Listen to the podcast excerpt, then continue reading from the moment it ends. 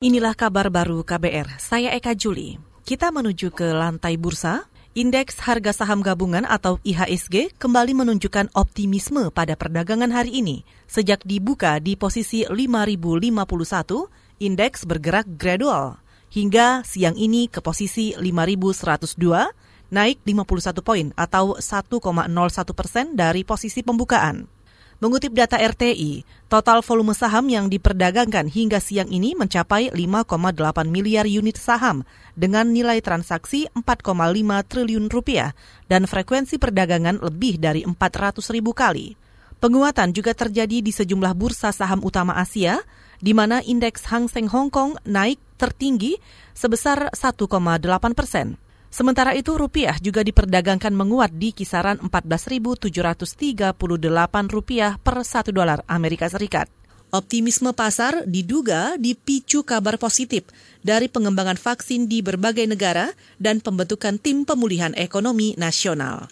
Saudara Lembaga Kajian Ekonomi atau INDEF mengkritik pembentukan tim pemulihan ekonomi nasional yang dipimpin Menteri BUMN Erick Thohir sebagai ketua pelaksana. Direktur Eksekutif Indef Tauhid Ahmad menilai semestinya tim berada di bawah Menteri Koordinator Perekonomian Air Langga Hartarto.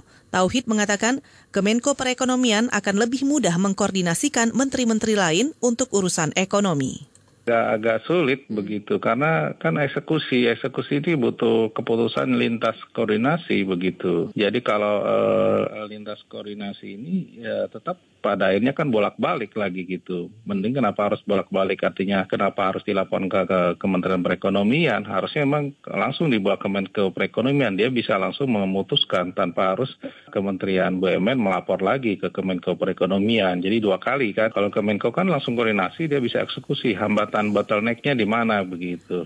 Direktur Eksekutif Indef, Tauhid Ahmad juga memperkirakan kerja tim pemulihan tidak bisa bergerak cepat mendongkrak pertumbuhan ekonomi dan mengangkat Indonesia dari ancaman resesi. Menurut Tauhid, pertumbuhan ekonomi Indonesia di triwulan ketiga tahun ini bakal negatif sehingga butuh waktu lama dan proses lama untuk memperbaiki pertumbuhan ekonomi.